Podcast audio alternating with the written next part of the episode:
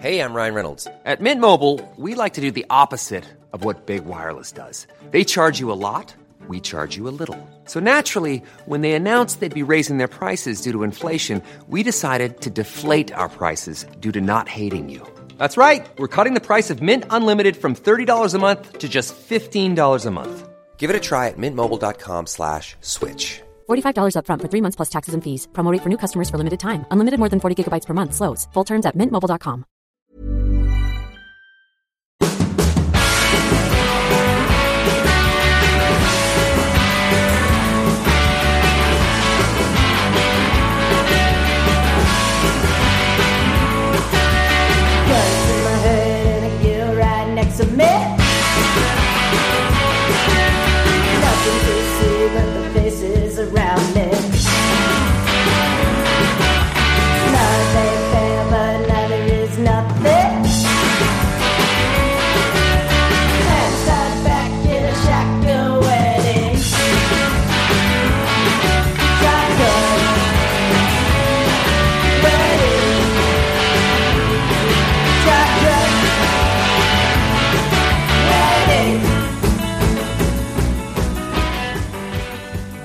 Välkomna ska ni vara till Indiepodden avsnitt 89. Vi har haft en veckas uppehåll här nu och visst känns det Jakob Fredriksson som att det är en evighet sedan vi gjorde detta. Vad ska vi, vad ska vi med sommaruppehåll att göra egentligen?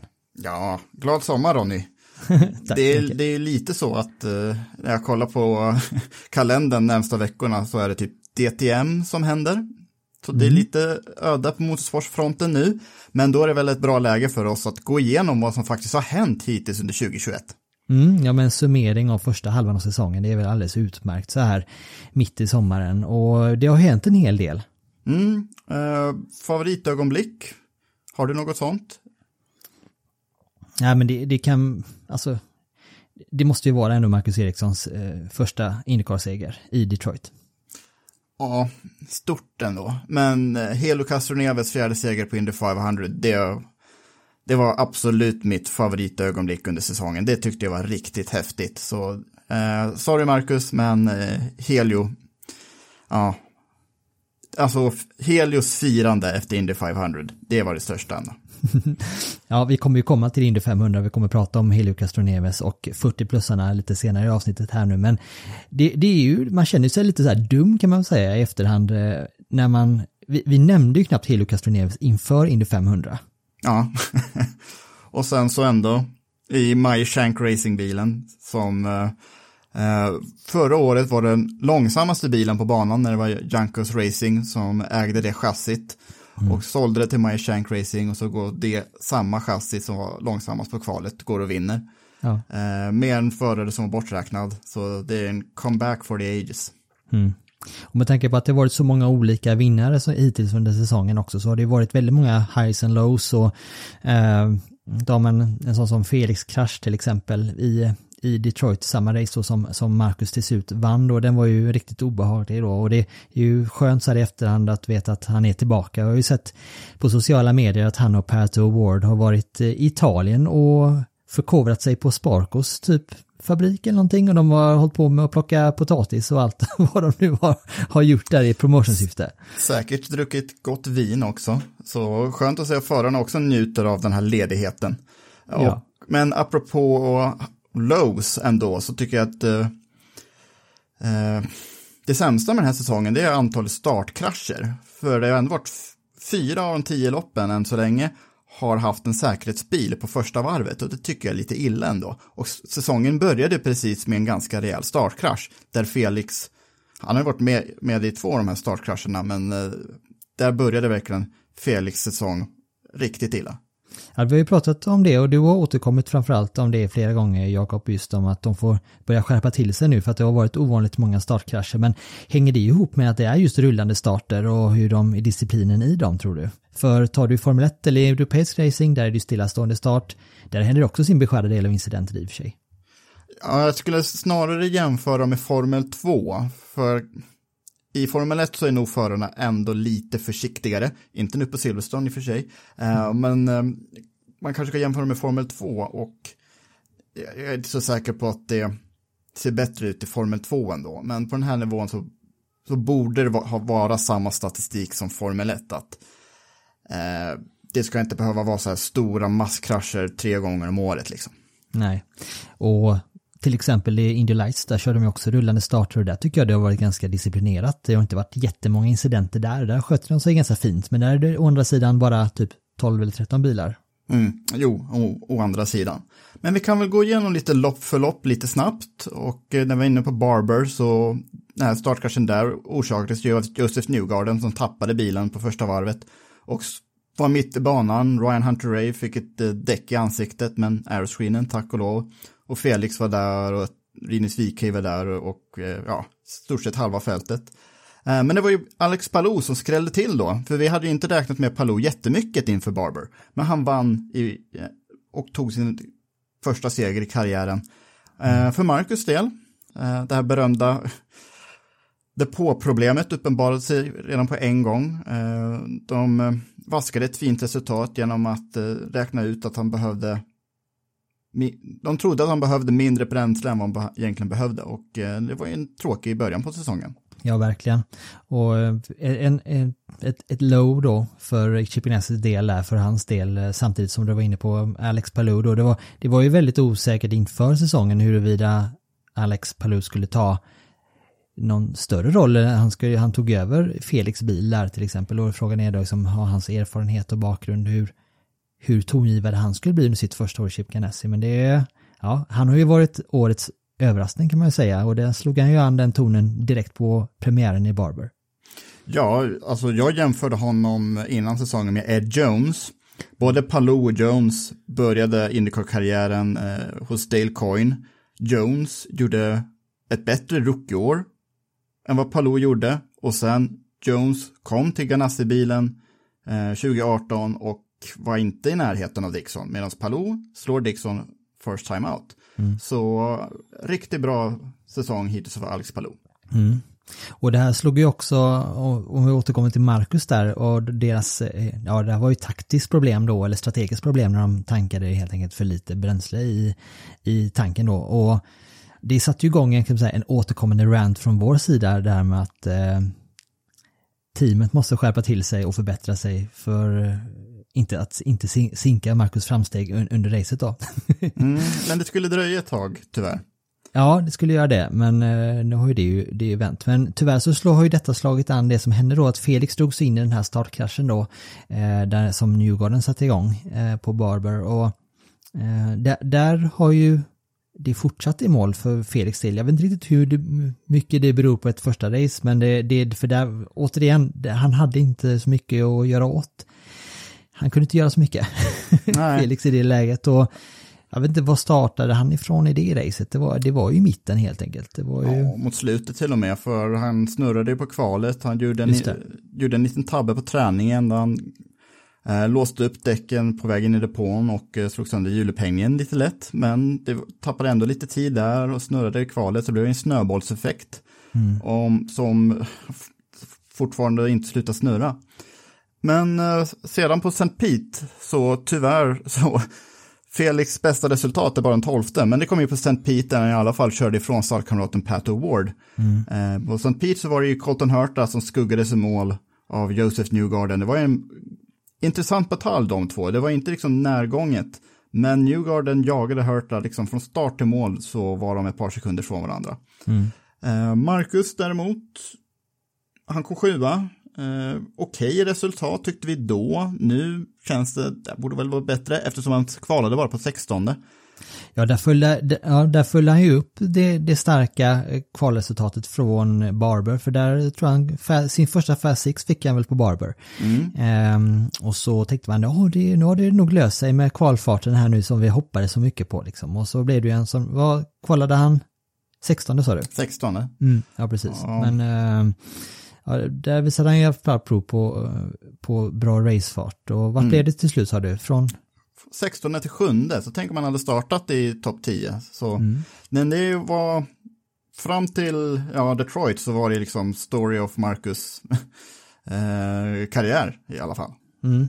Och här blottade ju sig kan man säga McLaren, Aaron McLaren SPs svaghet på St. Pete egentligen för eh, just road och street course-farten kan det vara lite upp och ner med och det var väldigt påtagligt just på St. Pete hur Felix körde ifrån Pat O'Ward. För så delade du in Pat O'Wards stinter i två delar kan man säga. Det var det första, stint, första delen av stinten var ju som alla andra, eller mm. stark liksom. Och sen så var det som en helt annan bil och en annan förare sen, för, som blev frånåkt av, av alla. Och där var det Felix som visade bättre, eh, ja, bättre fart helt enkelt, racet igenom och körde ifrån Pat Award helt enkelt. Ja. Till en, som du säger, tolfte plats då. Mm. Uh, bättre racecraft där och uh, Award slet ju däck som tusan medan Felix lärde sig hantera är abnorma slitaget som bara McLaren verkade ha den helgen. Och sen då så kom ju då den första, årets första oval då, det var ju double header på, på Texas. Två race, två race på en helg. Det var en rätt udda helg ändå. Um, inte så många omkörningar, inte en Texas-lopp som man är van med det. Uh, men dock lite fortsättning från 2020. För det var ju Scott Dixon som defilerade hem en ganska säker seger. Han duellerade ut Alex Palou tidigt på loppet, men sen fick han ju faktiskt eh, Felix och hasorna igen, precis som 2020. Mm. Felix bästa helg hittills, men ändå inga resultat därifrån. Mm. Han var ju urstark den helgen, och, eller på det, till, till det racet där, och det också visade någonting som han sa i efterhand i intervjuer, att han han har, han har fått en helt annat självförtroende på ovaler, även om inte riktigt resultatet kom, har kommit hans väg så, så är det ju det är inte längre någon tvekan om att hans eh, racecraft även på ovaler är väldigt stark och det är synd att han inte fått resultaten med sig. Eh, det var ju det sista depåstoppet som blev katastrof för bägge svenskarna där. Just det. Eh, Felix bromsar ju på sig lite, men det borde inte kosta mer än ett par sekunder. I och för sig under gul flagg så kan det ju kosta ett par placeringar, men förhoppningsvis inte mer. Vad menar du med att han, att han bromsade på sig? Var det att han... Ja, han, han missade uh, depåfönstret med någon meter, så de fick rulla tillbaka honom lite grann. Ja, just det, just det, ja, just det. Uh, men det stora problemet var att när han kommer, kommer ut, så står ju Marcus Eriksson mitt i vägen med tre hjul. Mm. Och uh, extremt typiskt tänkte man ju då, liksom. Hur illa kan, kan det gå nu? Det, det, var väl 50 eh, varv kvar eller nå någonting. Det skulle ha varit en enkel sista stint. Mm. Behöver bara klara det här depåstoppet, men bägge svenskarna faller ur topp 10 där. Men eh, vi får ändå belysa den tredje svensken i Indycar, eh, Matt Mattias Jönsson, som är Scott McLaughlins chefs mekaniker eh, som ledde ju då teamet. Det, det var ett starkt depåarbete där som bidrog starkt till att eh, Scott McLaughlin tog eh, hem en andra plats i första racet på Texas. Mm, hans första ovalrace. Så... Nybör, nybörjartur? Nej, tror jag inte. Uh, McLaughlin är ett ur, urproffs som har visat sig hantera ett mängd olika sorters bilar. Um, en, en miniskräll där, men det är ju McLaughlins bästa resultat hittills. Jag tycker han var lite osynlig. Eh, men vi kan, komma in på McLaughlin lite senare, för det var ett till lopp på Texas och en till stor startkrasch. Mm, eh, därmed, när Connor Daly hamnade upp och ner. Och eh, han röt ju till lite grann i, han intervjuades på tv med att det är för många startkrascher i Indycar, vi måste prata om det här.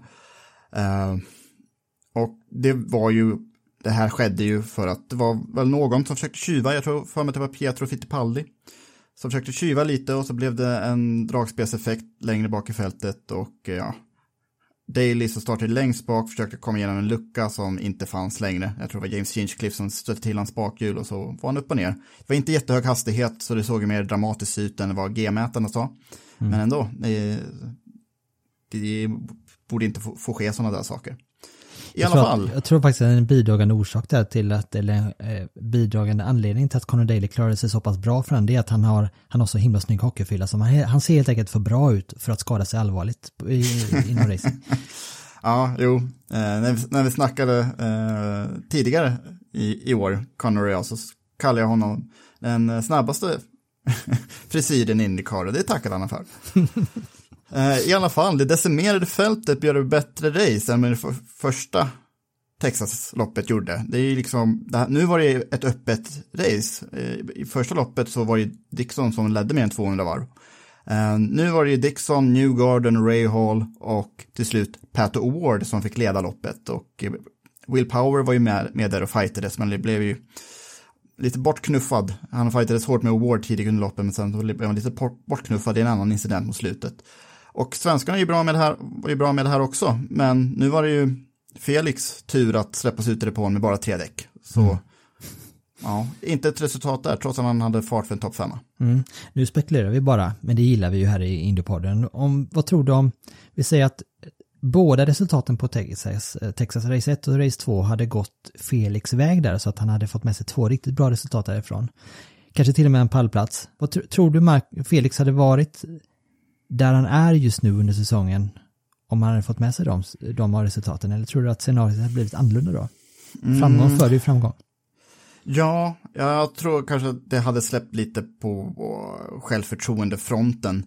Men så finns det gärna random saker som sker som olyckan i Detroit. Men kanske att Indy 500 så hade det marginalerna kanske hade funnits på hans sida då, men ja. Det, Ja det, det, vi, hade, vi hade skrivit om den här säsongen på ett helt annat sätt i alla fall. Ja, det hade vi nog gjort.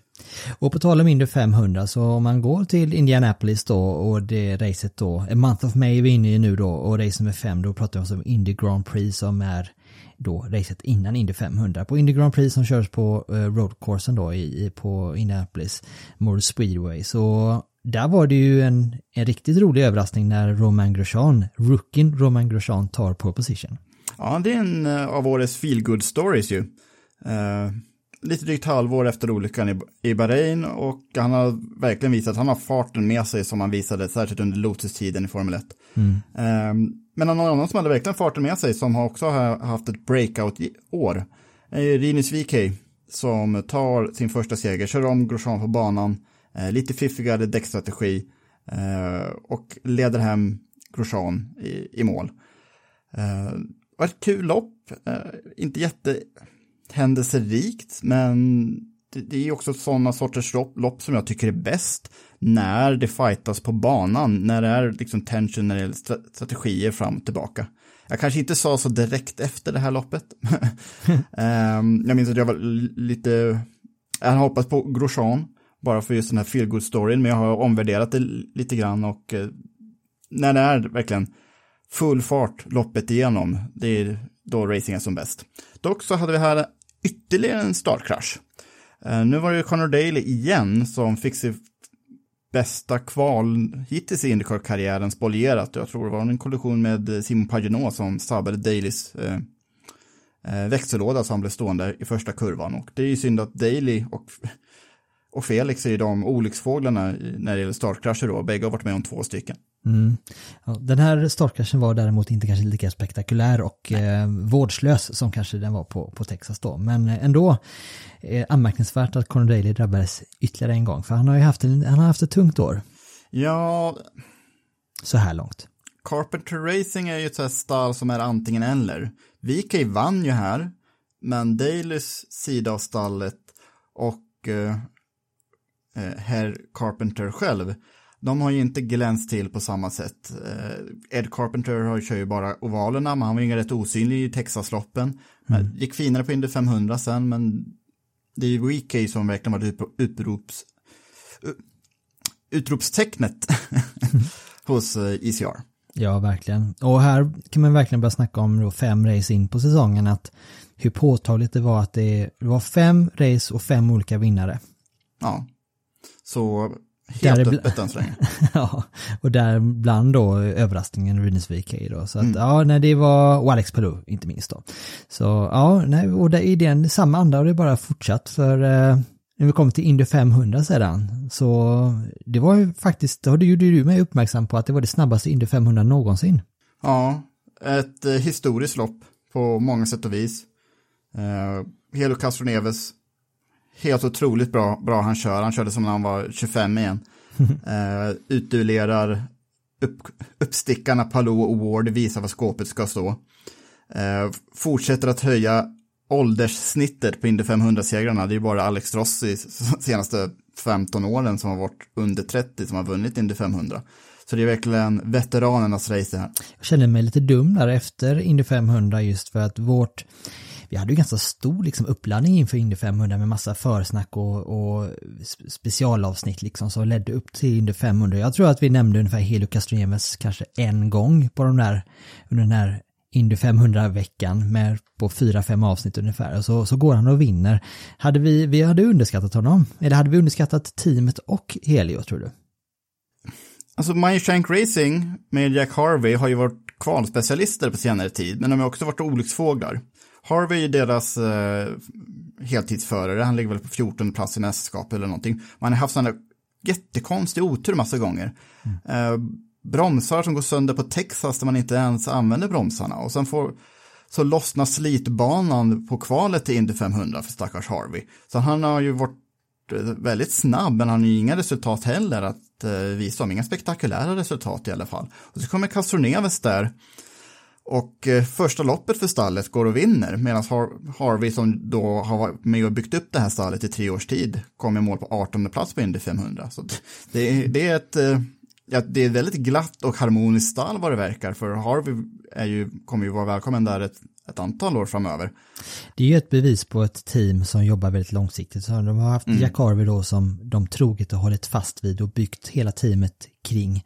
Ehm, jag tror att det är nog ett framgångsrecept snarare än, eh, kan vi jämföra med något annat team som gärna omsätter förare off mycket, alltså AJ Foyt omsätter rätt mycket förare, Dale Con Racing är väl också kända för att vara ja. eh, omsätta nya förare väldigt ofta. Det, det tyder lite på des, desperation från de stallen. Mm. Eh, men, men den, den, här metoden som MyShank Racing gör, den är ganska be, eh, beprövad. Eh, det fungerade jättebra för Ed Carpenter Racing när de hade Joseph Newgarden. Eh, Ed Carp Joseph Newgarden började med Sarah Fishers stall som slogs ihop med Carpenter Racer, Ed Carpenter Racing. Och sen 2016 så verkligen lossnade för Newgarden och började, vi, började vin, vinna race. Mm. Eh, 2015 var det till och med. Och sen blev ju Newgarden uppsnappad av Penske och började vinna mästerskap. Eh, så jag hoppas att fler stall liksom lägger märke till det här.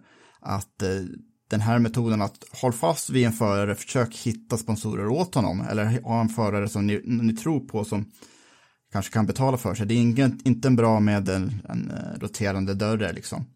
Ett annat ställe som jag tror försöker göra det här, det är Dry Run Rival Racing som med Sage Karam har satsat på i ett par år. Inte kört hela säsong, men de har kopplat in några gånger. Och nu belönar sig med sjunde plats för Karam på, på Indy 500.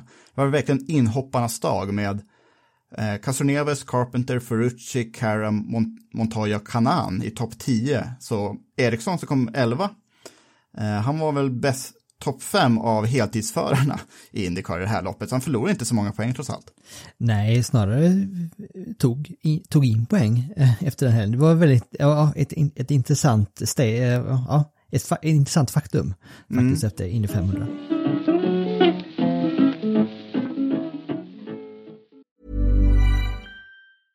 Hiring for your small business? If you're not looking for professionals on LinkedIn, you're looking in the wrong place. That's like looking for your car keys in a fish tank. LinkedIn helps you hire professionals you can't find anywhere else, even those who aren't actively searching for a new job but might be open to the perfect role. In a given month, over 70% of LinkedIn users don't even visit other leading job sites. So start looking in the right place. With LinkedIn, you can hire professionals like a professional. Post your free job on linkedin.com slash people today. Millions of people have lost weight with personalized plans from Noom. Like Evan, who can't stand salads and still lost 50 pounds. Salads generally for most people are the easy button, right? For me, that wasn't an option. I never really was a salad guy. That's just not who I am. But Noom worked for me. Get your personalized plan today at Noom.com. Real Noom user compensated to provide their story. In four weeks, the typical Noom user can expect to lose one to two pounds per week. Individual results may vary. Och med det så ledde, det, ledde vi in oss in på eh, dubbelracen i Detroit då. Eh, årets sjunde och åttonde race då. Där, eh, ja det har vi pratat om ganska mycket, men det första racet i Detroit då, det var ju då Felix krasch då som ja, lägger sordin på stämningen. sordin på stämningen, ja, det, det var lite, ja det var obehagligt. Ja. Särskilt med, med, den sortens tekniska fel är väldigt obehagliga. Det var en bra bit över 150 km i timmen som man, ja, deceleration på en tiondel sekund till noll. Eh, Så hur många G-krafter som helst. Jag har faktiskt inte sett någon siffra på många G-krafter, men det kan ju vara säkert uppemot 100. Eh, Blåslagen, men utan be- benbrott i alla fall. Och eh, eh, det har ju blivit comeback, men han har inte kunnat visa, visa att, riktigt än va- vart han finns. Men här tycker jag att vi ändå ser ett eh, trendbrott för Marcus Eriksson, för det är nu i Detroit som han eh, presenterar sig som en toppförare på riktigt i Indycar. Ja, precis. För ironiskt nog så var det så att Felix krasch låste upp möjligheten för Marcus att hamna på den bästa eh, depåstrategin helt enkelt tillsammans med bland annat Will Powers tror jag. Eh, Och han eh, efter rödflaggen då för Felix så hade vi ju eh, Penskes eh, Will Power på första plats och så hade vi Marcus som, som eh, var honom i haserna redan från början då där. Eh, och vad hände sen? Power överhettar både hans bil och hans huvud. Får vi ändå säga. Det var ju otroligt varmt i Detroit, varmt och fuktigt i Detroit den här helgen. Eh, Power skriker när den här rödflaggen som i och för sig tycker jag var lite onödig efter att Grosjean hade kraschat. Power skriker på stallet, kom i fläktar, kom i fläktar. Eh, han sa senare att nej det handlar om bilen, men han sä- säger till mig. Eh, och sen Powers bil är den enda som inte startar upp igen när när det vankas grön flagg. Just det. Och då har vi alltså Marcus Eriksson först i kön då med hur många varv kvar hade vi då att köra? Fyra eller fem varv tror jag vi hade kvar. Ja. Eh, när de grönflaggade igen då och eh, den Marcus Eriksson håller alltså undan då och tar säsongens första Indycar, eller år, karriärens första In- Indycar-seger. Jag vill bara nämna lite där om den här rödflaggen då som eh, Grosjean orsakade. Eh, du sa att den var onödig, men är det inte så att reglerna säger att du ska det ut en bärgningsbil på banan så måste de rödflagga, eller stämmer inte detta? Eh, inte rödflagga, eh, men de försöker garantera att loppet startar under grön flagg. Och här var det verkligen på gränsen, hinner vi få ut en säkerhetsbil och sen ta in den igen och ge dem åtminstone två varv. Jag är optimist så jag skulle säga ja, jag prova. För jag, tycker jag tycker så här eh, artificiella break ändå är rätt jobbiga. Eh, så mm, ja, jag var tveksam till, till den saken. Men jag tycker Indycars rödflaggsregler är ändå rätt bra. Att eh, det här problemet som Power eh, identifierade så fort, att eh, ECUn höll på att överhetta, eh, det var ju ett reellt problem för honom.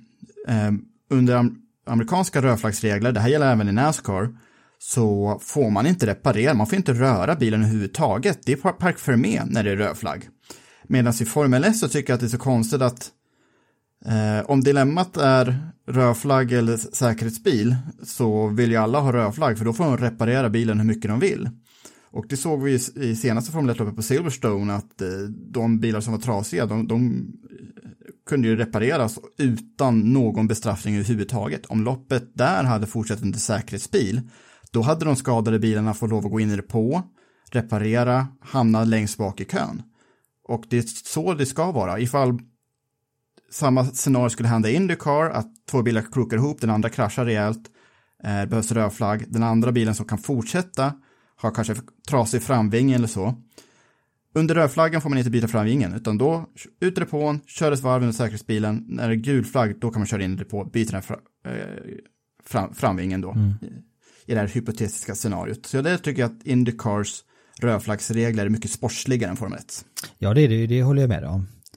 Eh, och just i det här fallet så spelade som sagt Marcus Eriksson henne den första gången och det var vi har pratat om hans Marcus otur egentligen eh, ganska länge. Eh, Och vi var inne på det här framgång födde framgång och det här var det här har blivit så här startskottet för eh, en ett en nytt scenario kan vi tycka, eh, kan jag tycka, eh, kring Marcus Erikssons karriär här nu på senare år där det faktiskt resultaten och händelserna går med honom.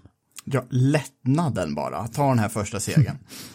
och det syntes direkt eh, dagen på, för Detroit är en doubleheader, ett lopp på söndagen också. Oturen lämnar honom inte på en gång. Det har kanske inte lämnat honom än eh, ens. För det var ju en till eh, depåtabbe eh, ändå på kvalet i Detroit. Han körde soppatorsk sista kurvan eh, innan mållinjen och start, så han startade väl på 19 men kör ju upp sig tio platser igen. Som man, precis som man gjorde i St. Pete, som man gjort ett antal andra gånger i, i Indycar. Mm. Så det är bara synd att eh, det, det, är i alla fall den sista på tabben som vi har lagt märke till som han har varit med om. Ja, precis. Och eh, av förklarliga skäl så var det ju så i Detroit Race 2 då så hade vi inte Felix Rosenqvist på startlinjen då för att han skulle mm. utvärderas och, och sådär. Eh, men vi har ju anledning att återkomma till det. Men vad hände i övrigt då i Race 2?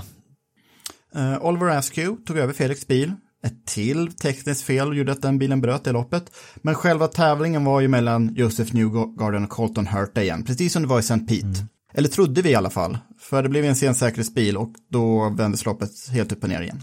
Ja, och där visade ju McLaren då, eller Pat O'Ward, eh, alltså tecken på att den här bilen, alltså när den är rätt inställd och eh, däcken är i fönstret så är den då har de någonting som de andra har väldigt svårt att matcha och det var ju verkligen ett bevis på det när Pat Award helt enkelt tar över eh, ledningen då eh, på slutet och eh, deflerar hem eh, säsongen, eh, säsongens andra seger då. För han var ju, var ju ja. den första föraren i år då, alltså i race 8 så kommer, då blir han först. Han vinner två. Ja, han gjorde det så snyggt. Mm. Han liksom but, butta sig förbi Josef Newgarden på bakrakan som egentligen inte är rak. Så det var ju hittills årets omkörning. Elkhart Lake sen då. Eh, skulle Penske kunna vinna? Nej, för tredje loppet i rad faller en Penske på mållinjen. Elektronikproblem, sänker Josef Newgarden med två var kvar. Och då är det Alex Palou som tar sin andra seger och vinner för Colton Hurta. Eh, Palou körde jättesnyggt där, skuggade i Newgarden hela loppet och sen när det var dags så körde han förbi. Och för att dröja oss kvar lite där kring eh, kvalet då, som du säger att Newgarden hade ju han tog ju den andra proposition i rad här nu då eh, på Elkhart Lake och eh, det var lite signifikativt här nu för de, de senaste tre racen som har varit egentligen fram till sommaruppehållet att Penske har farten och kommer ju förmodligen bli livsfarliga här nu, Joseph Newgarden i synnerhet under andra halvan av säsongen men eh, han har ju här, redan här visat att i kvalfart så har de lite övertaget nu känns det som. Uh, de, de börjar, ja, Newgarden alltså, har börjat dominera kvalen. Uh, det ska vi ha ganska klart för oss. Mm. Så med lite flyt så kommer Newgarden slåss om mästerskapet eh, om ett par månader igen. Lite samma scenario som förra året egentligen. Då var det egentligen bara, då ja. handlade det om Scott Dixon eller ingen eller Scott Dixon och kanske Joe Newgarden men han kan väl inte hinna ifatt men det höll han ju på att göra. Och mm. eh, det verkar som att andra halvan av säsongen är Joseph Newgardens eh, signum nu för tiden så att eh, vi, får, vi får väl se. Men som du säger, Palou tog över eh, ledningen där och vinner före Hurta och blir då den andra föraren den här säsongen att vinna två race. Mm. Och drar, det är nu Palou liksom visar sig som en riktig mästerskapskombatant. Jag var fortfarande lite tveksam efter honom. Han, han, fick ju den stora bonusen efter Indy 500 när han kom tvåa efter Castroneves och Indy 500 är ett lopp med, med eh, dubbla poäng. Mm. Och då fick han ju ett, ett ganska bra gap i mästerskapet. Sen var han lite sämre i Detroit, eh, men eh, Elkhart Lake igen, fortfarande. Eh, visar framfötterna ordentligt. Mm. Svenskarna då? Ja, Felix är inte frisk. Kevin Magnussen tog över hans bil. Tredje loppet i rad med tekniska problem för den McLaren-bilen. Marcus Eriksson, alltså han kör med ett annat flyt, men nu vill han lite mycket, för mycket, snurrade en gång, men sen så bara kör han upp sig och fightade om topp femma mot slutet. Ja, det är imponerande och visar mm. väl tecken på just eh, den eh, racecraft han har då. Ehm, det var ju lite en så här överraskning där just att Felix inte fick köra. Jag tänkte, jag var ganska övertygad om att det skulle komma ett positivt besked här att han skulle få köra på Elkhart Lake. Ehm, men han var ju inte den enda som inte fick köra utan Rinus VK bestämde sig för att göra en eh, ja, eh, göra Marcus Eriksson höll på att säga, men det är ju lite taskigt att säga det för Marcus fick ju, han kraschade ju med cykeln en gång under sin Formel 1-karriär och det gjorde ju Rinus Vika också. Däremot var det ingen höna inblandad den här gången, men han, eh, han bröt nyckelbenet eller något sånt där va? Ja. Vem var det som hoppade in för honom då? Oliver Askew, igen.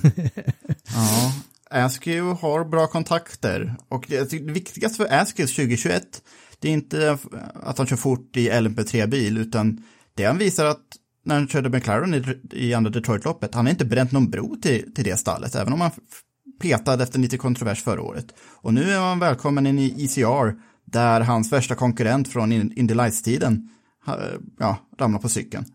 Så det är, är ju ändå bra för Askew att eh, han är där och liksom han är välkommen. Det är bara lite pengar som saknas. Och på Elkhart Lake så var det också inte jättelångt ifrån att han faktiskt, eh, han ledde väl ett tag där, han gick ju på en alternativ chansning Ja. där, strategi som gjorde att han, var, han körde ju runt och väntade på en, en gul flagg egentligen, eller en säkerhetsbil, vilket också kom typ ett varv efter han var tvungen att gå i depå. då. Ja, Så det gäller att precis. få lite, det, ja, chansningar är ju alltid en chansning och sådär, men det eh, är ju faktiskt så att det är inte helt otroligt om vi kommer se honom i Indycar fulltid från 2022 egentligen. Eh, med tanke på att det nog kommer omsättas en hel del förare i olika team, inte minst på Andretti Autosport. Ehm, men på Mid Ohio så välkomnar vi tillbaka både Rin Svike och Felix Rosenqvist. Ehm, de startade i närheten av varandra och VK kompromisserade Rosenqvists lopp när han försökte tjuva lite i starten. Rosenqvist blev hindrad, tappade några platser in i första kurvan och där stod Ryan Hunter Ray och James Hinchcliffe på tvären och eh, Rosenqvists lopp var över innan det ens började. Men eh, på Mid Ohio äntligen lossnade för Josef Newgarden, tredje raka pole position som faktiskt nu blev en seger, men det var inte en enkel seger för honom. Nej, det var det inte. Det som såg så övertygande ut då inför sista stinten där, han var ju, vart ju, såg ju tämligen ohotad ut, men eh, då bestämde sig Marcus Eriksson för att göra det här racet ganska intressant på slutet. Ja, verkligen. Eh, Marcus var ju överlägset snabbast två sista tredjedelarna av loppet. Det synd bara att han tappar tio sekunder på första tredjedelen. Eh, Eh, men det här loppet var nog ändå, ändå bättre än när han vann i Detroit skulle jag säga för att eh, det här var ju full fart verkligen och eh, det börjar lossna nu. Det är skönt. Tar vi helgen som helhet då så har det ju varit så att det var ju den där starka in- kvalinsatsen han gjorde då inför första racet då på Barber så där han kvalade eh, i Fast Six då. Eh, sen så har vi ju liksom haft anledning att återkomma till det liksom att det har inte lossnat riktigt på kvalsidan fortsatt under den här säsongen. Eh, men så slog han ju till på Mid Ohio med en eh, tredjeplats i, i kvalet då och startade från andra startled och därifrån så fick vi se chansen att se en annan Marcus Eriksson eller en Marcus Eriksson i en helt ny situation där han faktiskt ska förvalta, dryga ut och kanske försöka då som ta över, köra till sig en, en raceseger utan eh, att det ska behöva hända massa saker liksom som går hans väg. Ehm, och det var ju angenämt får jag säga. Ja, på något sätt så är det också lite skönt att visa att han kan imponera utan att behöva köra om jättemånga. Liksom på St. Pete när han kör upp sig nio platser och i Detroit också när han kör upp sig tio platser i andra loppet där särskilt. Nu så, nu visar han att han kan använda däcken på, det, på, på ett sätt som man kanske gör i Formel 1.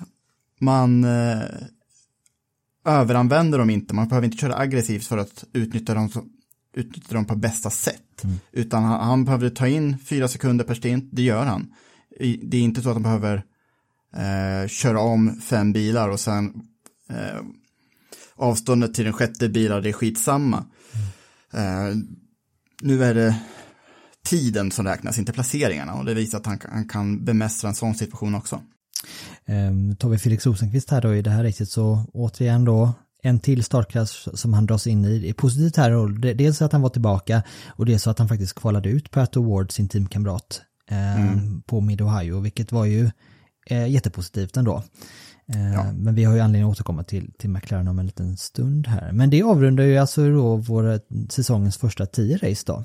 Mm, tyvärr inte 10 till. Nej. Det blir bara, blir bara 16 lopp i år efter Toronto utgår.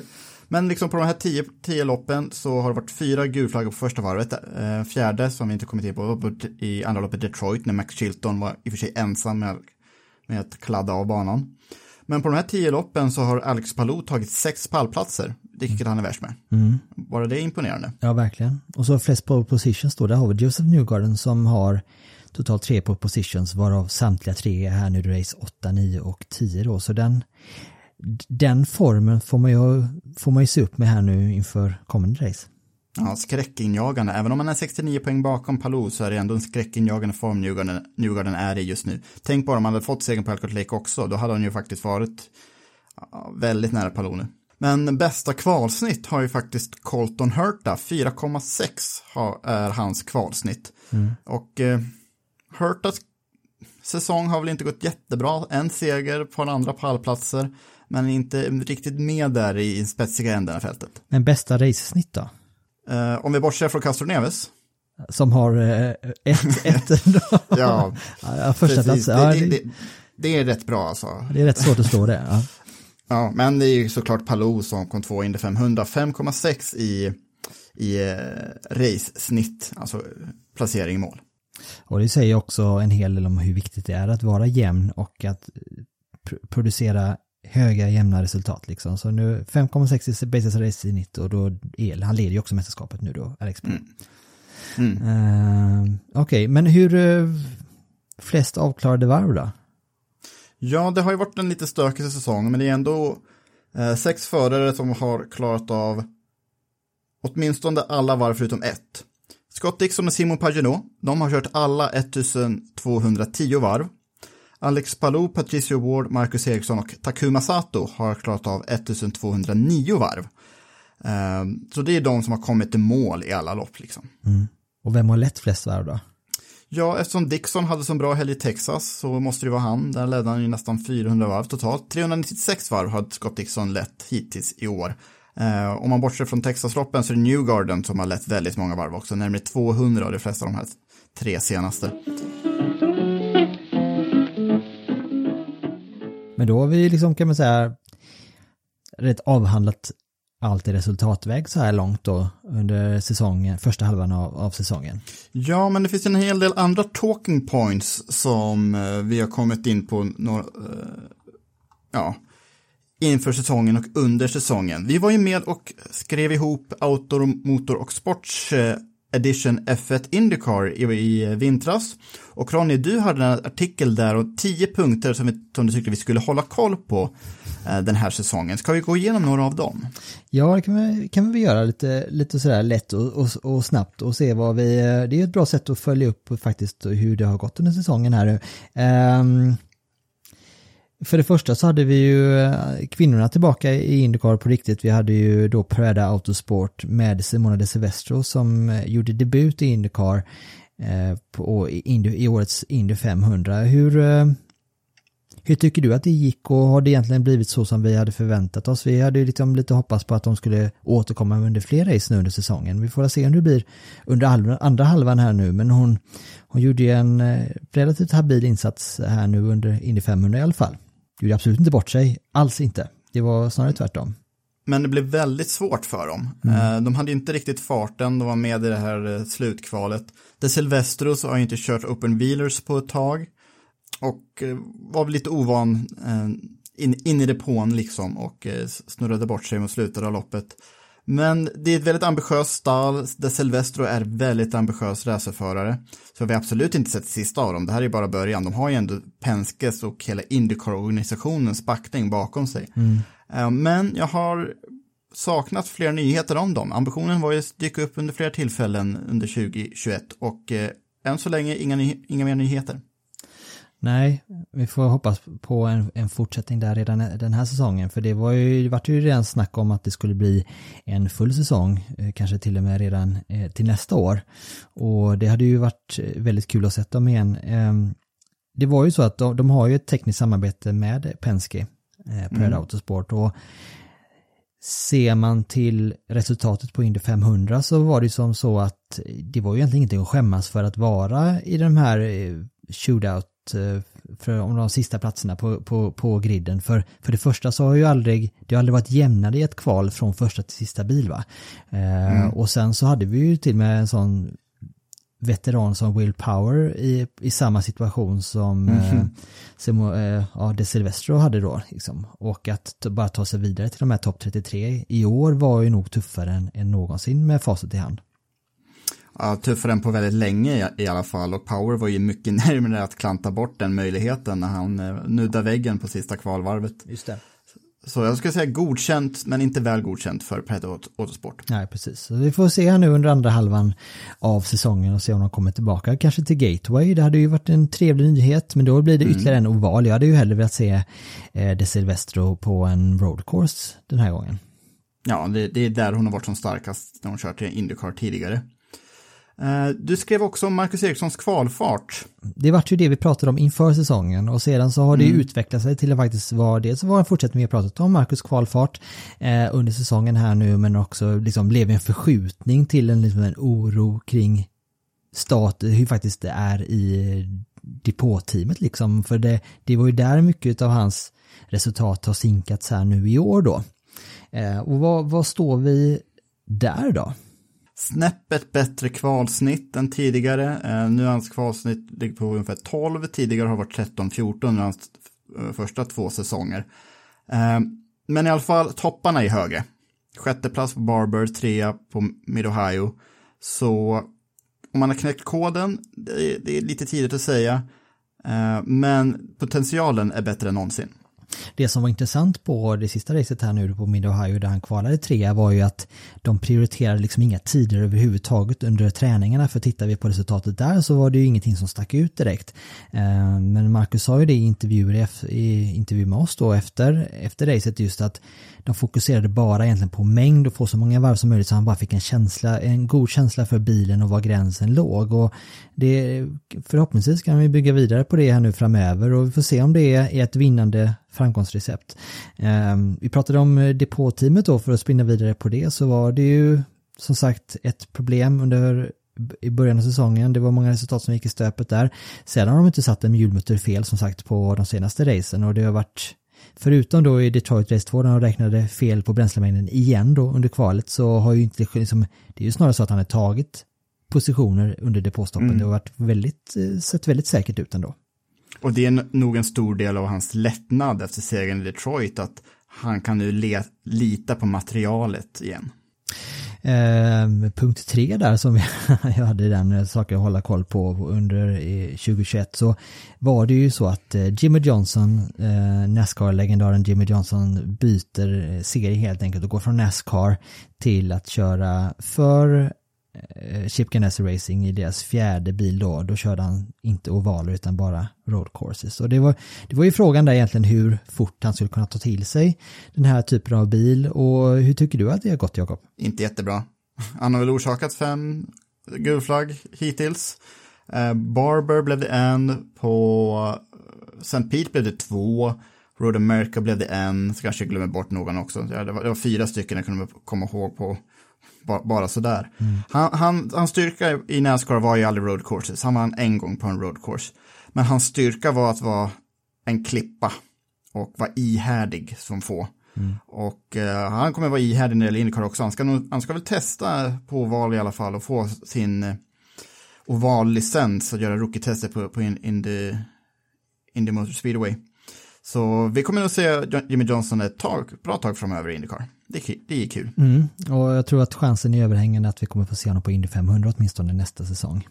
Mm. Eh, frågan är ju hur, och hur nära han kommer komma nu under den här säsongen. Det har ju varit som, jag har ju nämnt, jag har ju pratat om det, eh, som att det har, kan bli en så här, en feel good följetong här nu under säsongen och se hur går det för Jimmy Johnson egentligen, men man pratar inte jättemycket och tänker inte jättemycket på honom egentligen när man Nej. är i fältet på den position där han är nu för att han har en hel del kvar att eh, jobba på kan man säga.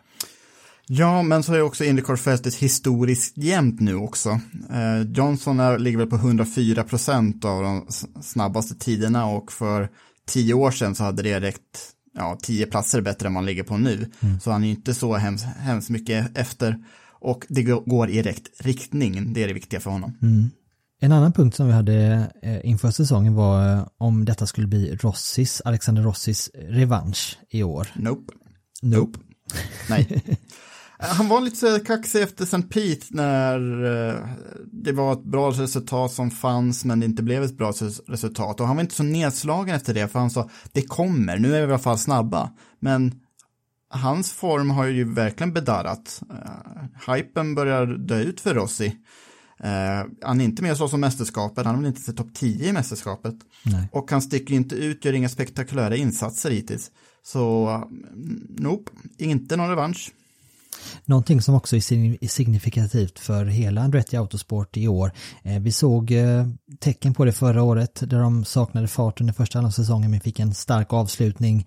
Eh, I år så har vi ju ja, det, kräftgången fortsätter kan vi säga, förutom då Colton Hurta som har visat, egentligen den enda föraren som visar på riktiga kvaliteter i år. Sedan så har vi ju, vi har Alex Rossi, vi har James Hinchcliffe som haft en katastrofal första halva av säsongen och en eh, Ryan Hunter Ray som har svajat rejält också. Vad, hur är statusen tror du inom Andretti Autosport inför resten av säsongen och inför nästa säsong? Ja, ja, vi måste döda myten om att det finns the big free i Indycar. Andretti är inte på samma nivå som Penske och eh, Ganassi är längre. Mm. Eh, de måste skaka om stallet ganska rejält tror jag. Eh, Hunter Ray är för gammal, nu låter det som en trasig LP-skiva, men det har vi sagt några gånger om. Jag, jag, tror inte att Hunter Ray har någon fram, framtid i stallet längre. De är lite för lojala mot James Hinchcliffe också. Eh, hoppas att de i alla fall får en uppsving och visar sina gamla vanor när bägge var liksom topp fem varje race. Så mm, eh, det saknas mycket därifrån. Fråga. Eh, Ryan Hunter Ray är ju förknippad med DHL som är liksom mm. huvudsponsor på hans bil och har varit så i, i många år.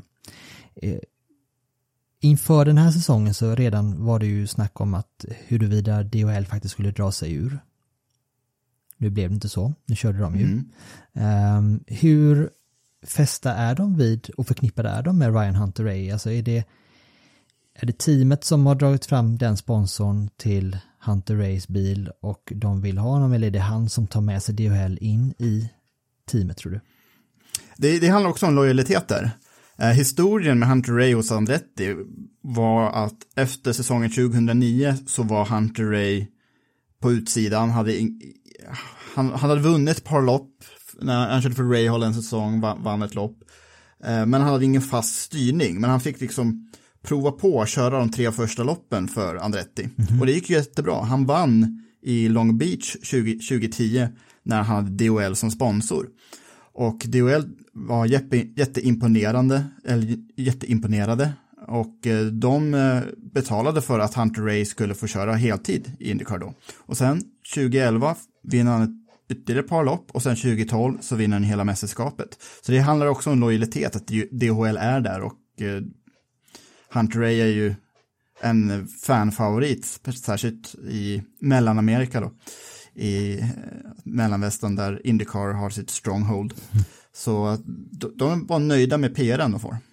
Ja, det kan jag också prata om Jimmy Johnson som en feelgood följetong här så kanske det här blir en inte lika mycket god feelgood följetong huruvida det kommer gå för Andretti här nu under andra halva säsongen. Men det ska bli väldigt intressant här nu vad, om det kommer bli en rotation på förare där inför nästa säsong. Eh, jag nämnde eh, Oliver Askew till exempel, om det inte, kanske inte är helt omöjligt att se honom i Indycar på heltid 2022. Det hade ju en öppning eller ett par öppningar i Andrettis förarroster inför nästa säsong. Det, det, hade ju nog, där, där är jag nog i alla fall påtänkt. Det vore vara konstigt, vore mm. konstigt annars med tanke på att eh, Oliver Askew tog sig till Indycar via seger i Indy Lights då för just Andretti. Ja, men i vilket fall som helst så sådana här gamla mästare borde få avsluta sin karriär på eget bevåg och få någon form av avskedsturné. Och eh, det beslutet har inte Hunter Ray tagit än. Nej. Ska vi gå vidare då? Punkt 5 i listan här har vi Scott McLaughlin eh, från, eh, alltså han tog ju steget från eh, Supercars i Australien till Indycar inför den här säsongen och det, där snackar vi alltså om en förare som är alltså otroligt högt renommé. Eh, I, eh, i Supercars så hade han ju då 48 segrar, 59 pole positions då. Eh, en av, alltså en av de förare, starkaste, snabbaste förarna i världen, bevisligen liksom. Och nu tog han chansen då att kliva över från Penskes team då i Supercars till att köra Indycar i år. Hur har det gått där tycker du? Sa ju att han var lite anonym, men vi pratade ju med Mattias Jönsson inför mm. säsongen och då sa de att det, alltså allting Alltså är han topp fem liksom så är det en otrolig bonus här nu i år i, i racen liksom. Och han har ju som bäst då en andra plats. Eh, har ju visat, alltså en jämnhet tycker jag, så jag tycker nog att det är, han har liksom överträffat förväntningarna ändå. För det är inte nu han ska vara som bäst och jag tror att de har en långsiktig plan för honom inom Penske-organisationen. Ja, stabil har han i alla fall varit. Eh, Piken var i andra platsen i Texas. Han följde upp det, upp det med en, en åttonde plats och en till åttonde plats på eh, Indianapolis Grand Prix. Sen dess har det gått lite kräftgång, tolfte plats som bäst på Mid-Ohio sedan dess. Men han har ju kommit i mål alla lopp. Han har blivit varvad några gånger på Detroit. Så han var inte med i den här statistiken och klart av flest varv. Men det är bara i loppen i Detroit som han blivit varvad i alla fall. Så att han hänger ju med.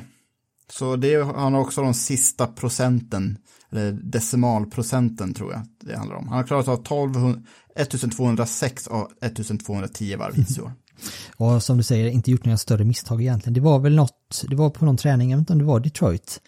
Um, kan det ha varit, och kanske har minns fel också. Uh, där mm. han uh, satte muren lite onödigt, vilket tur, han förlorade värdefull uh, träningstid på liksom. Men i övrigt så, nej, han han ser och lär och därmed den äran. Vi hoppas att han kan fortsätta resten av säsongen kan lyfta sig lite till här nu och få till några fler resultat. Det ska bli väldigt intressant i alla fall. I mm. ett Penske som förutom, det är lite roligt för vi har Joseph Newgarden då som kommer vara livsfarlig här nu under resten av säsongen. Vi har eh, Simon Pagenaud i topp 10 mästerskapet som vi knappt nämner för att han, som du säger, han gör inga spektakulära grejer. Men han är mm. med i alla fall. Eh, sen är det ju Scott McLaughlin. Eh, och... Eh, Will Power som mest pratar mer än kör bra i, i år. uh, men han, han, fick, han blev lite rånad i Detroit, men Will Power är, är rolig att lyssna på. Uh, men det, det, är tråkigt att han inte är i jättebra form i bilen. Nej, men vilka, det är ju intressant eh, just för om vi ska prata om Will Power så hans signum har ju varit sina starka kval och jag tycker inte han har, han har inte övertygat på kvalen i år. Nej, han har snurrat bort ett par gånger och knappt varit i närheten där han var tidigare. Kan det vara att Mattias Jönsson inte är hans chefsmekaniker längre? Jag kan vara. Jag tycker slå fast att det är därför. Ja, det är det är nog. Eh, men eh, mm, han har varit lite ur balans eh, det här året. Men Power kan ju dyka upp. Det har varit ett antal gånger som jag har tänkt han kommer aldrig vinna igen och sen så vinner han tre lopp i rad. Så, eller något sånt, två närmsta fyra. Så, så kan det säkert bli mot slutet av året i alla fall. Mm. Ska vi gå igenom lite Indy Lights och våra juniorer i USA? Um, Linus Lundqvist mm. dominerade i Formula Regional Americas förra året, 15 segrar på 17 lopp. I början av uh, Indy Lights-säsongen såg det ut som att uh, han skulle nog kunna vinna ett och annat. Nu har det blivit två segrar, men han är inte värst i griden på det. Utan Kyle Kirkwood har ju, har ju bättre form för tillfället.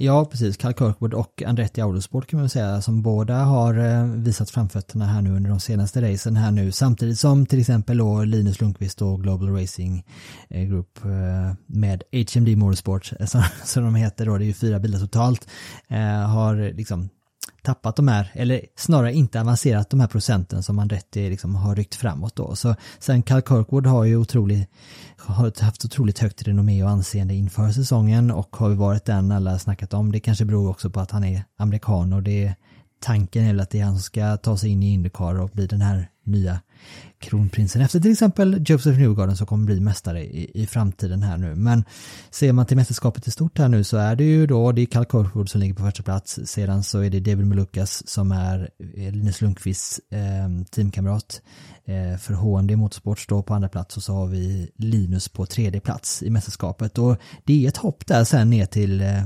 resterande fältet. Ja, det är, det är klasskillnad faktiskt tycker jag. Eh, trots att det finns Alex Peroni som körde for Formel 3 med helt okej resultat. Da Daniel Frost eh, gjorde bra ifrån sig på Mid senast, men ändå så Lundqvist har fortfarande chansen på mästerskapet, men det blev inte så enkelt som vi nästan anade liksom, eh, på Barber när han eh, kom tvåa en försiktig andra plats och sen en övertygande seger, utan det blir lite svårare ändå. Mm. Det är kul att se att eh, mästerskapet, ett sånt här, alltså Indy Lights då i år, att de faktiskt har så många duktiga, potenta förare, eh, så att det är så pass jämnt som det är, för det här är ju absolut inte över på något sätt, utan det är vad är det, inte mer än 25 poäng tror jag från Linus upp till Kirkwood på första plats. Så att eh, det ska bli spännande att följa fortsättningen. Det är det jag menar att formen är inte riktigt där för tillfället. Men det kan ju också vända väldigt, väldigt fort. För helt plötsligt så hittar ju Kirkwood den här, den här formen som uh, har gjort honom jätteväl. Mm. Uh, efter att det har kladdat bort, i, särskilt Barber kladdade han bort några resultat.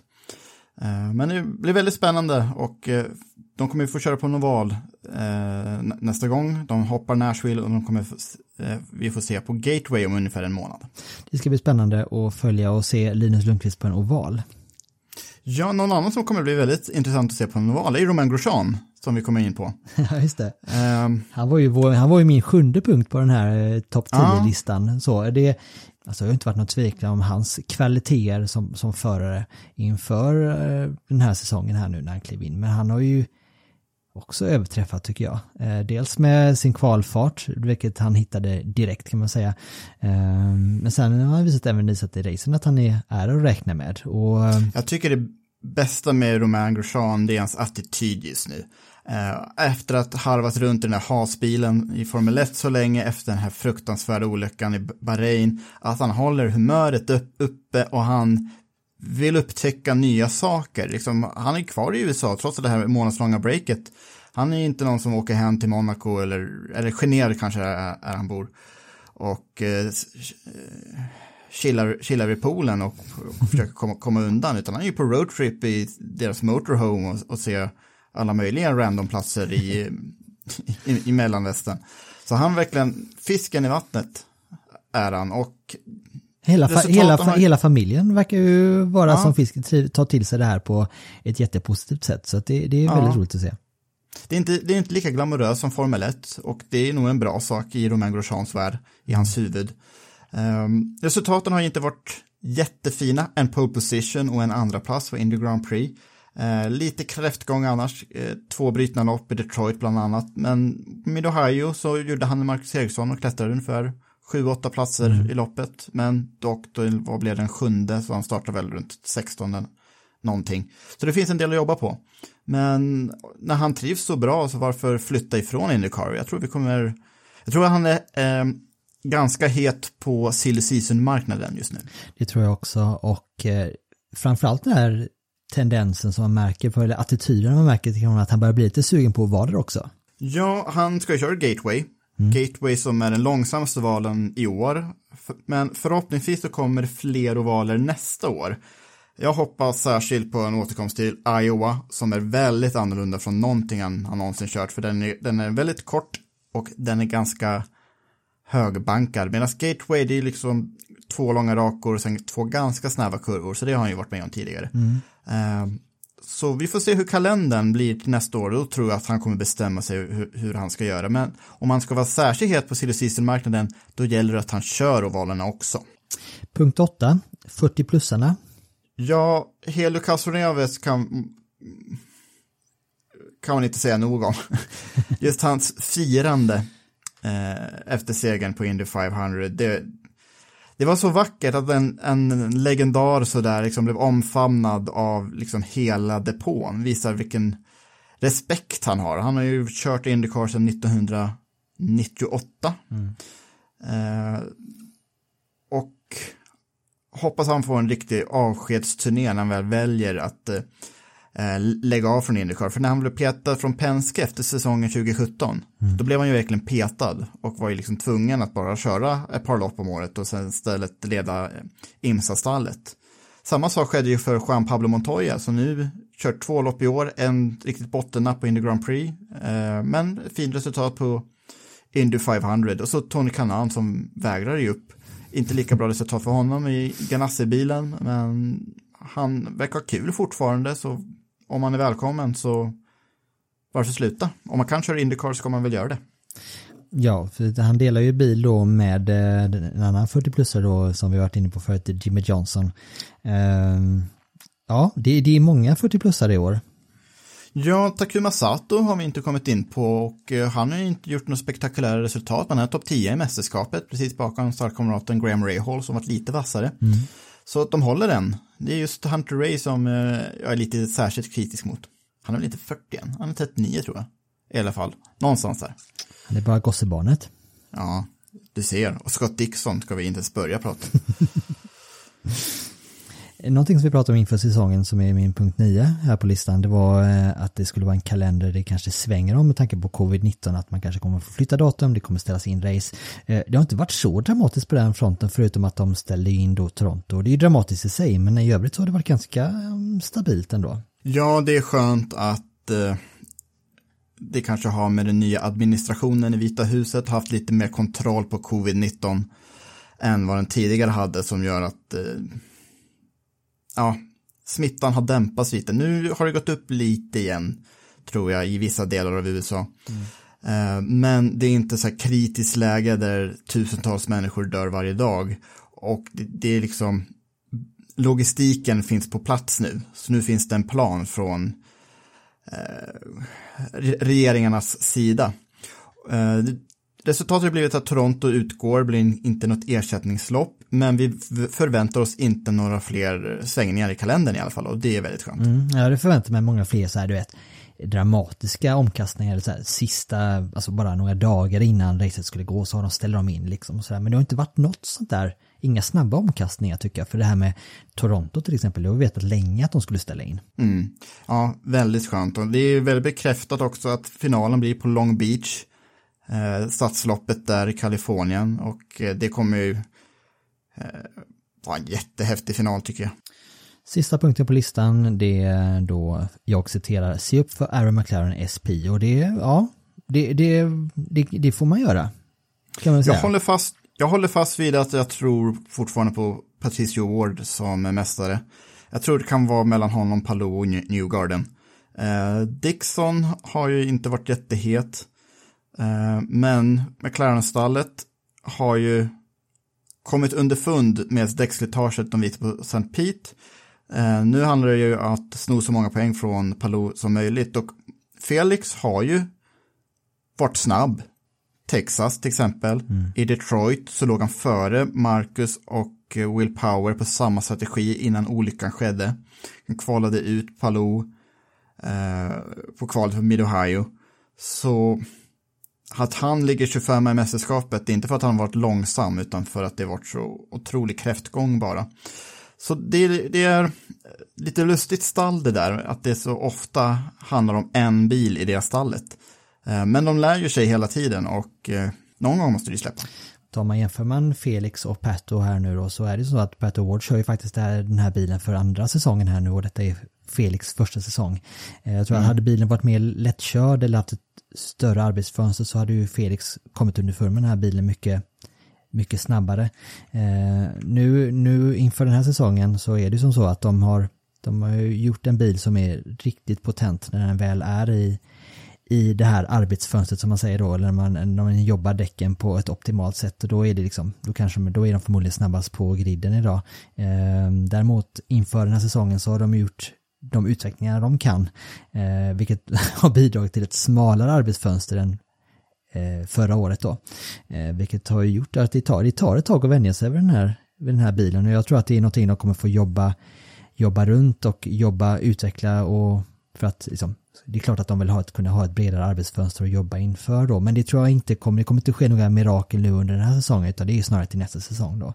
Ehm, men vad tror du om eh, Felix status i teamet Jakob då? Med tanke på, även om vi har konstaterat här nu att det är mycket har ju brutit på otur, han har missat två race på grund av skada, Felix då.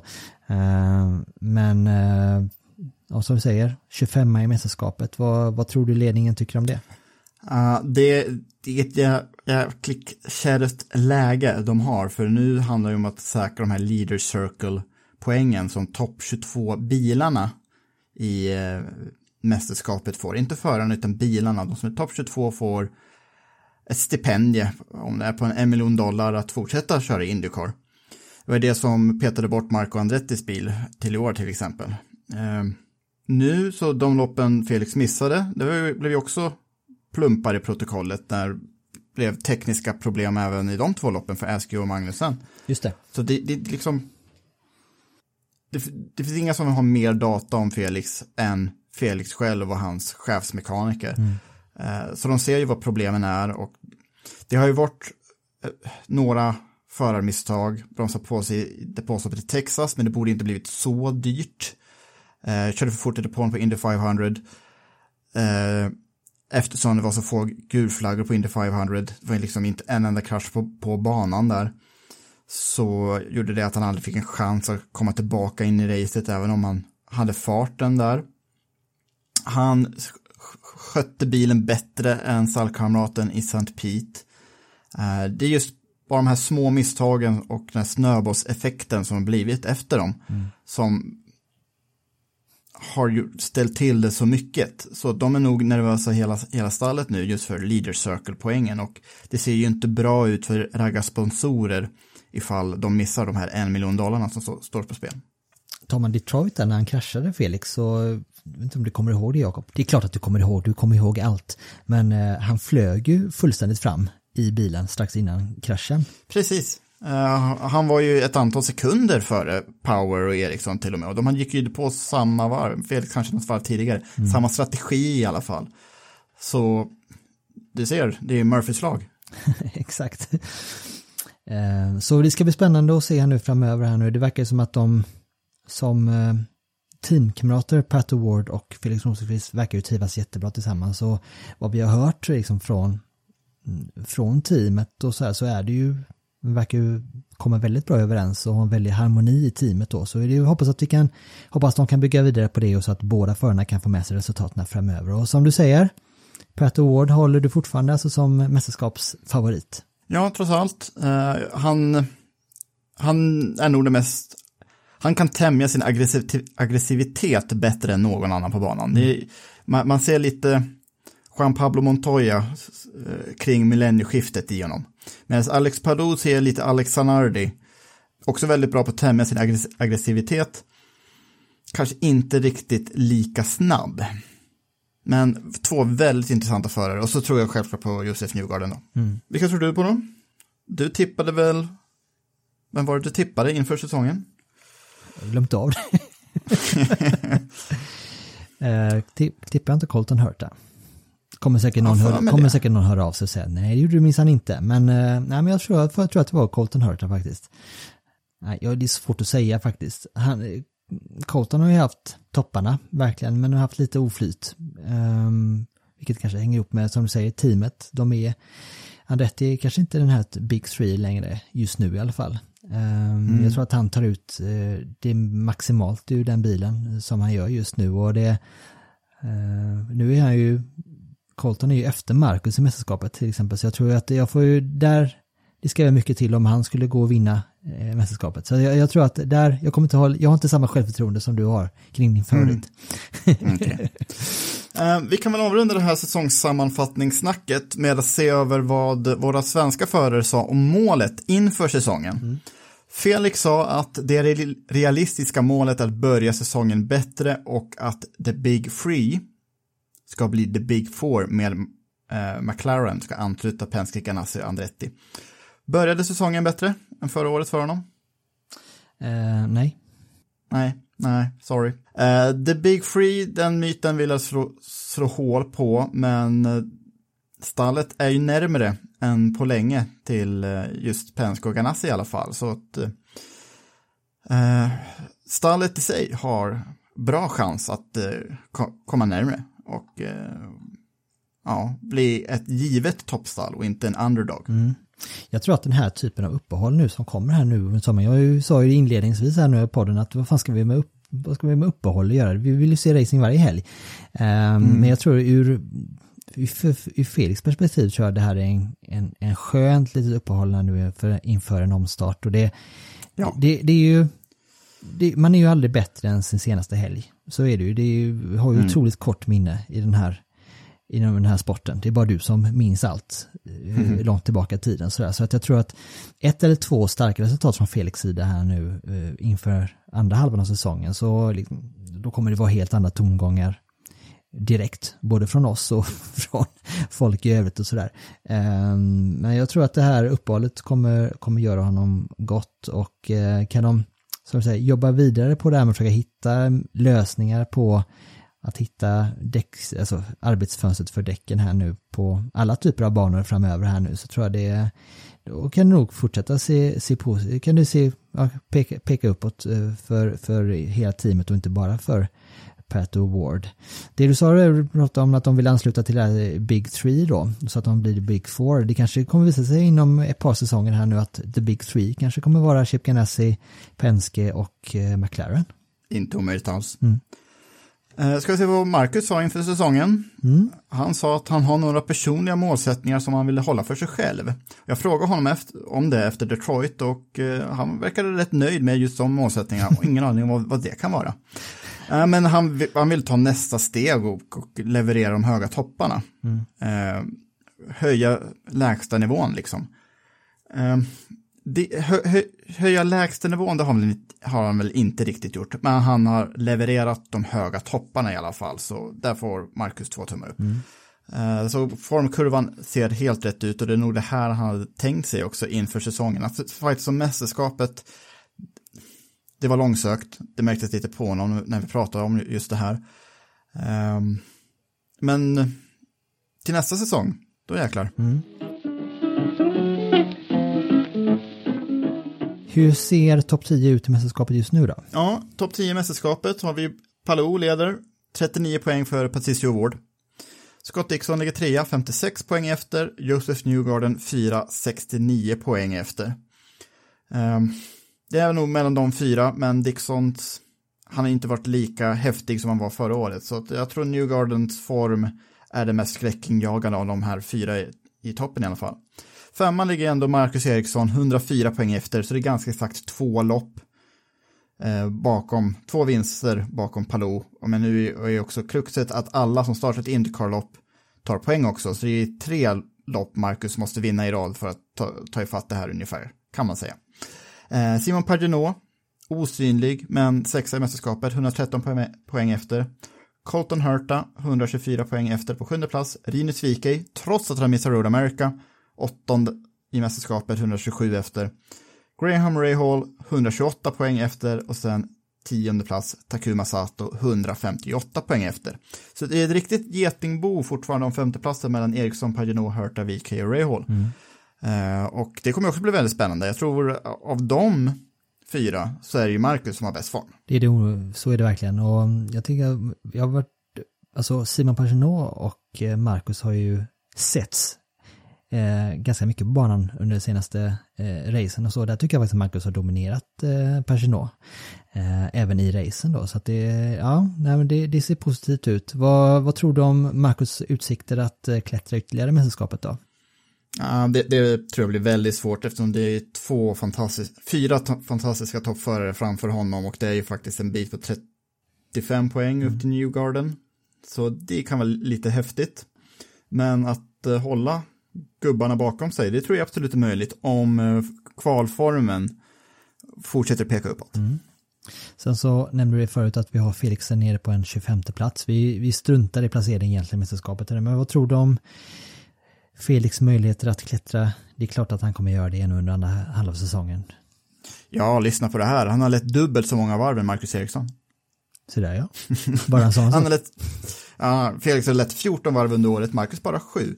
Ja, men eh, ja, det, så att Felix är där, det handlar ju om att missade två lopp eh, och sen stolpe utloppen i Texas där han knappt fick poäng med sig. Eh, kraschen i Detroit så klassificerade han på sista plats. Eh, samma sak var det ju med Ohio. Barber fick han inga poäng med sig så det, det är ju det, det kommer naturligt bli så att han tar sig om åtminstone Kellet kan vi nog räkna med ganska rejält att ta sig förbi. Carpenter Daily-bilen kan han säkert ta sig förbi. Daily ligger på 18 plats i eh, mästerskapet. Santino Ferrucci kommer inte köra resten, resten av året, han ligger ändå före. Eh, Felix gör också Helo Casoneve, så jag räknar med att Felix kommer kanske kunna knäcka 15 med lite flit. Och då har vi också säkrat eh, den här eh, prispengarna just för, för bilen Ja. också. Så, så är det ju faktiskt. att eh, Det är på gränsen, men det finns ju bilar framför som är ju en piece of cake eh, i, i, i princip varje helg.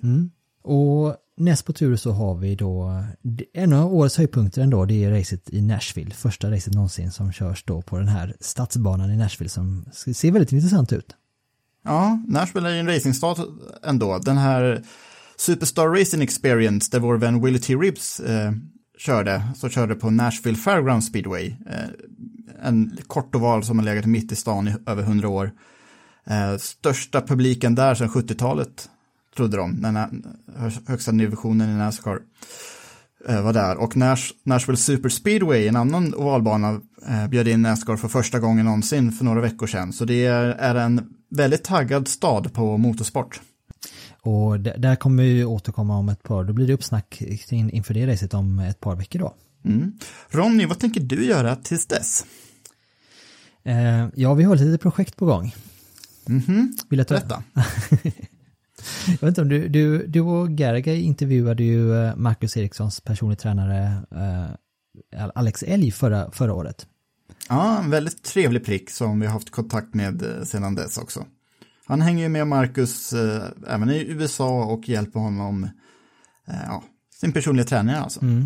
Och eh, då pratade vi om, då var ju temat på det avsnittet var ju så, så tränar en innerkorvförare va? Eh, Så vi tänkte ta det vidare här nu och göra ett, ett litet eh, sommarprojekt, ett sommarexperiment. Eh, Vi hörde av oss till eh, Alex och frågade om han kunde hjälpa oss med att dela med sig av en, en vecka, hur- så som Marcus Eriksson tränar under en försäsong, under en vecka. Eh, Det ska en av oss få testa på här nu under kommande vecka. Inte jag, inte jag, inte jag, inte jag. Nej, vi har ju redan eh, dividerat om detta, det är jag som åker på den. Ja. Så hur känns det inför det här? Eh, är du taggad? Ja, jag är jättetaggad. Det ska bli jättespännande att se exakt hur mycket eh, hur mycket crap man är byggd av kan man säga. För det vi ska, vi ska göra här nu eh, under nästa vecka här nu det är att jag kommer ju då jag, får ett, jag, har fått, jag ska få ett träningsprogram eh, som är matchat eller eh, som en kopia av Marcus försäsongsträning, en vecka ur Marcus försäsongsträning. Och ska jag helt enkelt få testa på den träningsmängden. Eh, och det är ju ganska ja, det är kul att se eh, hur det går. Och, för vi kommer göra som så här under nästa vecka här nu, nu är det två veckor kvar eh, till eh, Nashville.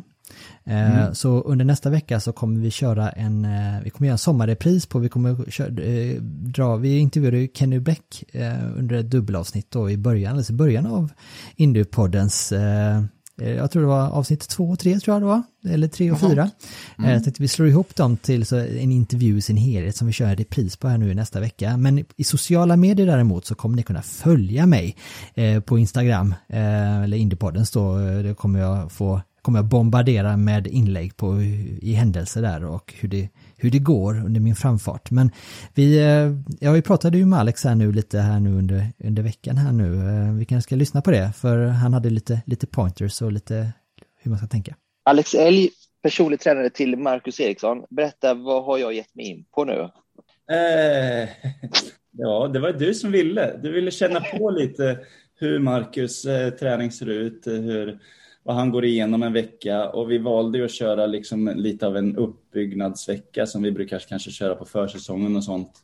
Eh, så kanske få ett litet smakprov i alla fall. Det kommer nog inte vara riktigt lika tufft, men eh, ja, smakprov. ja, jag tror det, ja, okej, ja, men jag var ju varit beredd på liksom att säga upp all kontakt med omvärlden och bara gå och sätta mig i en hytta någonstans och bara kötta i en vecka. Ja, det är så. Alltså, alltså, vi kan ju lägga till lite till om det är så, om du vill. Ja, vi får se, vi får se när vi har gått igenom upplägget här nu.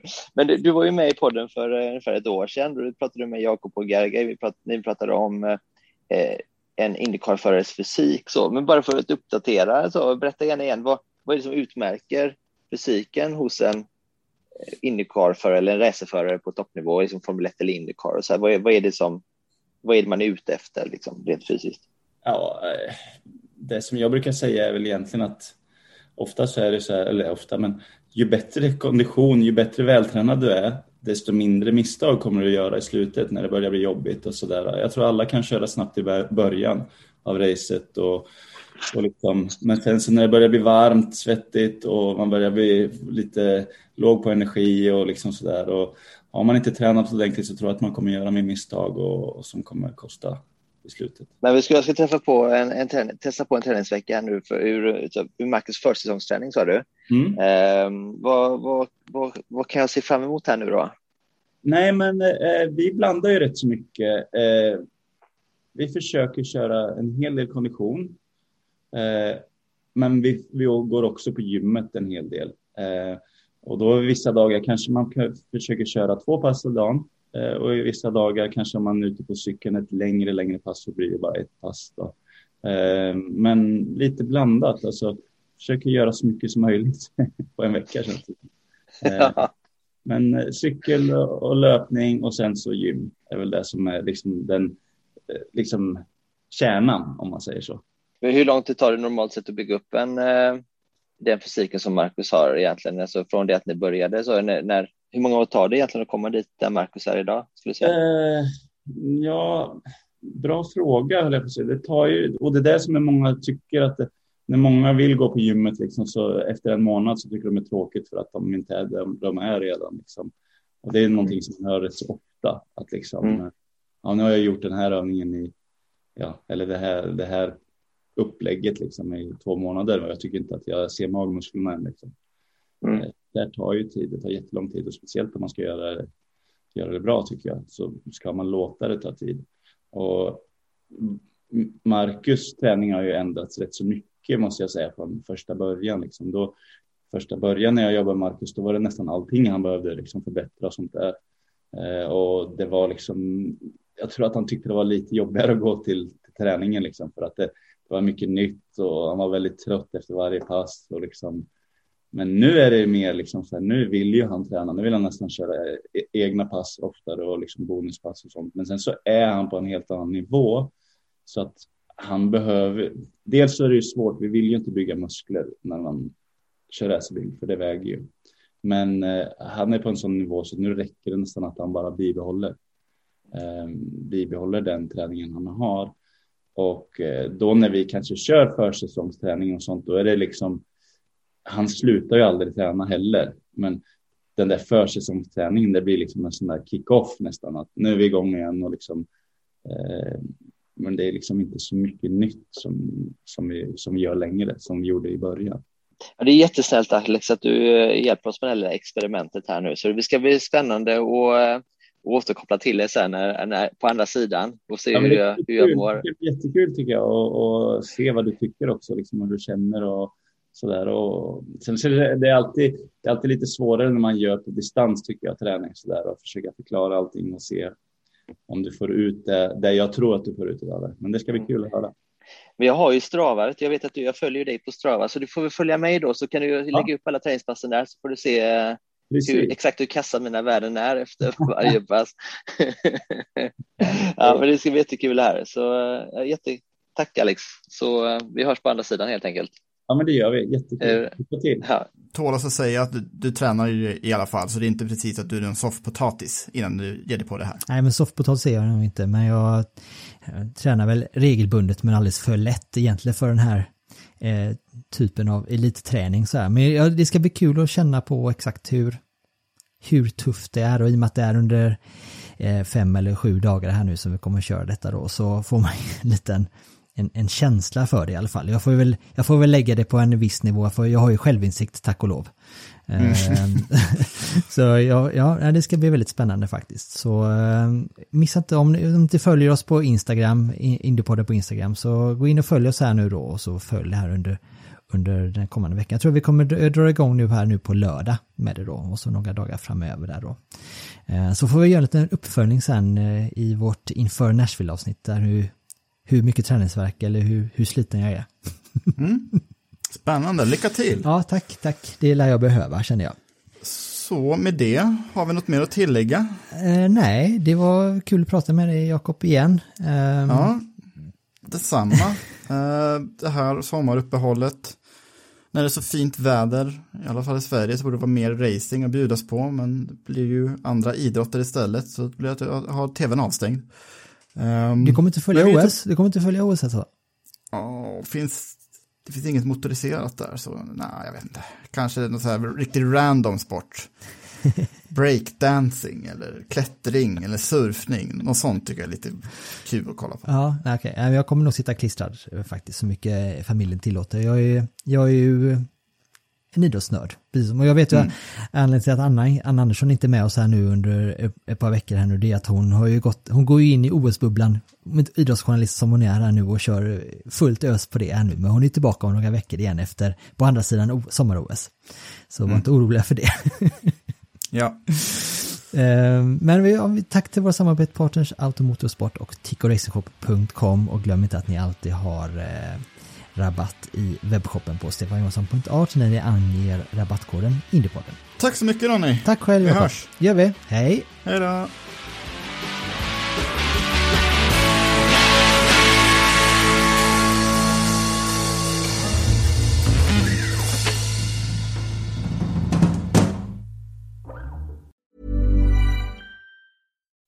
When you make decisions for your company, you look for the no-brainers. If you have a lot of mailing to do, stamps.com is the ultimate no-brainer. Use the stamps.com mobile app to mail everything you need to keep your business running with up to 89% off USPS and UPS. Make the same no-brainer decision as over 1 million other businesses with stamps.com. Use code PROGRAM for a special offer. That's stamps.com, code PROGRAM.